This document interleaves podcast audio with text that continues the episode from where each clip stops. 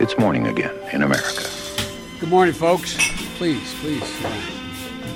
Come on, let's go. Let's go get some coffee. Thank you very much. Det er tirsdag 6. oktober. Det er én dag igjen til visepresidentdebatten, 28 dager igjen til presidentvalget, og morgenkaffen er servert.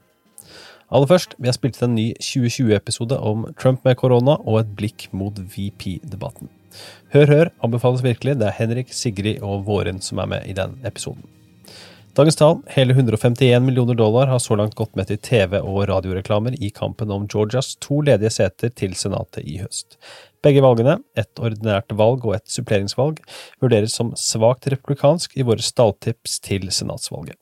Axios kan for øvrig også melde at demokratene utkonkurrerer republikanernes pengebruk på senatskandidater i ni av de ti jevneste delstatene i høst. Og Det hvite hus sin pressesekretær har bekreftet at også hun har blitt smittet av covid-19. Og målinger fra Arizona og North Carolina. Ifølge New York Times Sienna College-måling leder Biden med åtte poeng i Arizona, 49-41. I North Carolina sier en PPP-måling at Biden leder med fire poeng, 50-46. Dagens første sak, Trump vender hjem. Mandag kunngjorde Donald Trump på Twitter at han nå forlater Walter Reed Medical Center, tilsynelatende i sin beste form på 20 år, ifølge ham selv.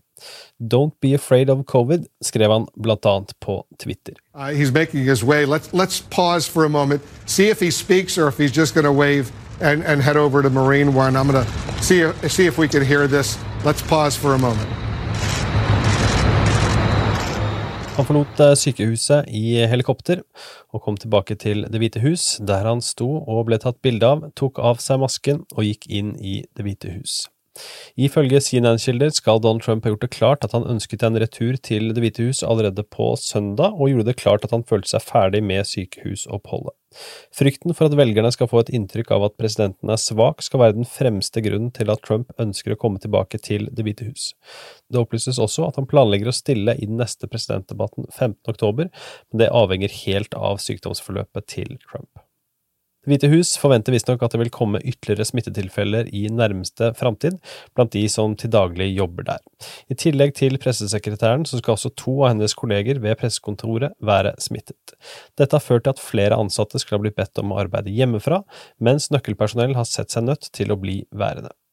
Joe Biden var ikke spesielt lysten på å uttale seg om Trumps kjøretur utenfor sykehuset på søndag, ei heller diskutere presidentens helse, men ga uttrykk for at han er klar til neste debatt mot Trump dersom medisinske eksperter vurderer det som trygt.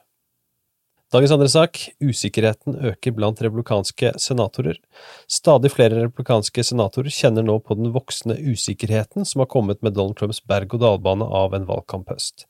Håpet om å beholde flertallet anses visstnok for å være like uforutsigbart som presidenten selv. Med under én måned igjen til valget skal enkelte republikanske senatorer nå være av den oppfatning at et best case-scenario under det kommende valget er at partiet klarer å beholde flertallet selv om Trump taper mot Biden. Debatten i Cleveland, Ohio skal heller ikke ha bidratt til å snu situasjonen.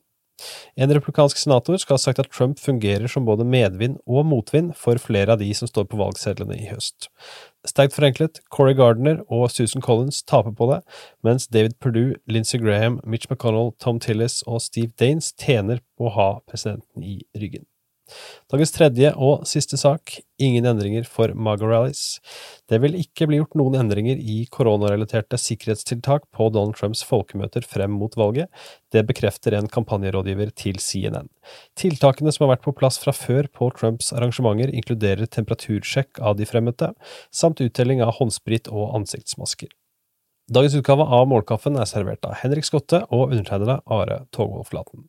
Få som sagt med deg 2020, der Henrik, Vårin og Sigrid snakker om Trumps sykdom, hans opphold på sykehuset, hvordan det preger valgkampen, og ikke minst også da en preview og et blikk mot visepresidentdebatten natt til torsdag. Vi kommer da også med en egen visepresidentdebatt spesial torsdag morgen.